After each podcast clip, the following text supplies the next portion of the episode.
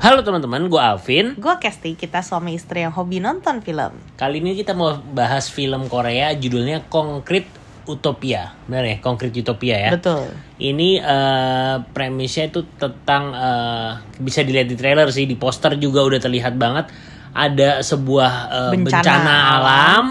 apa pun itu yang ngebuat eh, istilahnya lingkungan sekitar eh, sebuah kota tuh porak-poranda semua. Nah, cuman ada satu apartemen yang rupanya nggak rubuh nih. Hmm. Nah, terus ini film ini menceritakan bagaimana orang-orang di apartemen itu eh, mencoba untuk bertahan hidup di tengah lingkungan yang sudah hancur, menghadapi segala macam eh, bahaya mau maksudnya bahaya tuh artinya kekurangan Tantangan. makanan ataupun orang-orang di luar eh, bangunan Area itu yang itu. area itu yang berusaha juga pengen masuk ke gedung itu dan lain sebagainya. Betul. Kurang lebih eh, filmnya menceritakan eh, seperti itu.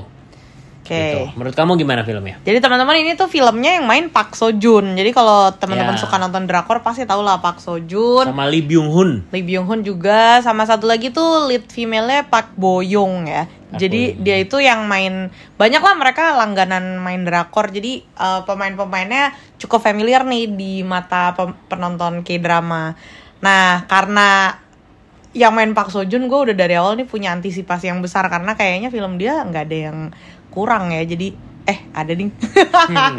Baru inget. Eh, ya, tapi usah pokoknya disebut. Iya, iya. um, ya gue punya ekspektasi yang besar lah karena dia selalu mainnya bagus itu betul. Hmm. Nah waktu nonton ternyata bener-bener apa ya maksudnya ini tuh tipe gue tuh suka tipe film yang kayak um, kayak disaster yang kayak gini tuh gue lumayan demen. Jadi eh, waktu nonton gue tuh kira ini tuh bakal menceritakan tentang disasternya itu tapi ternyata em, waktu nonton disaster itu hanya menjadi latar belakang. Latar belakang, betul betul. Karena betul. inti yang mau diceritakan itu sebenarnya adalah kehidupan after Pasca, pasca, pasca ya. pasca bencananya gitu. Nah, eh, ini kan something yang jarang kita lihat. Maksudnya kan kita biasa kalau nonton film disaster tuh waktu dari before sampai disaster terus paling endingnya kenapa atau gimana lah hasil dari disaster itu. Nah, ini justru disaster tuh pertama kali banget happens. Nah, setelah itu gimana?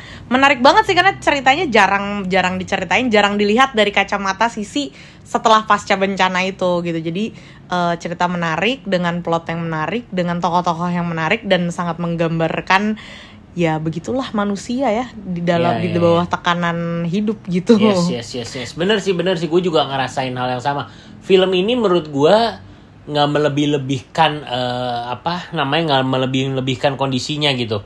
Bahwa eh, apa namanya inilah kejadian real apa orang-orang ya sikap-sikapnya tuh kayaknya eh, masuk akal semua gitu di film ini menurut gue ya gitu. Jadi baik itu si Park Seo Joon maupun Lee Byung Hun maupun orang-orang lainnya gue ngerasa film ini nggak melebih-lebihkan gitu nggak ada yang misalnya wow kayaknya hero banget oh kayaknya sempurna banget oh kayaknya apa ini Hmm. Balance. kayak balance gitu kayak ya udah Kayak ini manusia pada dasarnya. kayak manusia pada umumnya gitu Eh, jadi ini itu yang ngebuat film ini jadi kayak real banget Hmm. gitu sih dan gue denger denger juga di film ini eh, di mau dikirim ke mana Oscar. Eh, seleksi Academy Award ya Widih. gitu jadi kayak waktu itu kan Parasite kan menang menang menang piala Oscar ya Iya. Parasite film terbaik nah ini ini akan dilombakan juga nih katanya di Hmm. Academy Award dan kalau gua ngeliat filmnya sih wajar karena bukan hanya Park Seo Joon sih tadi pemain-pemain lain juga mainnya eh, cukup bagus sih menurut Baik, gua iya, gitu betul. jadi dari bukan hanya sekedar oh menjalankan skrip apa gimana tapi mereka dari ekspresinya dari matanya Hmm.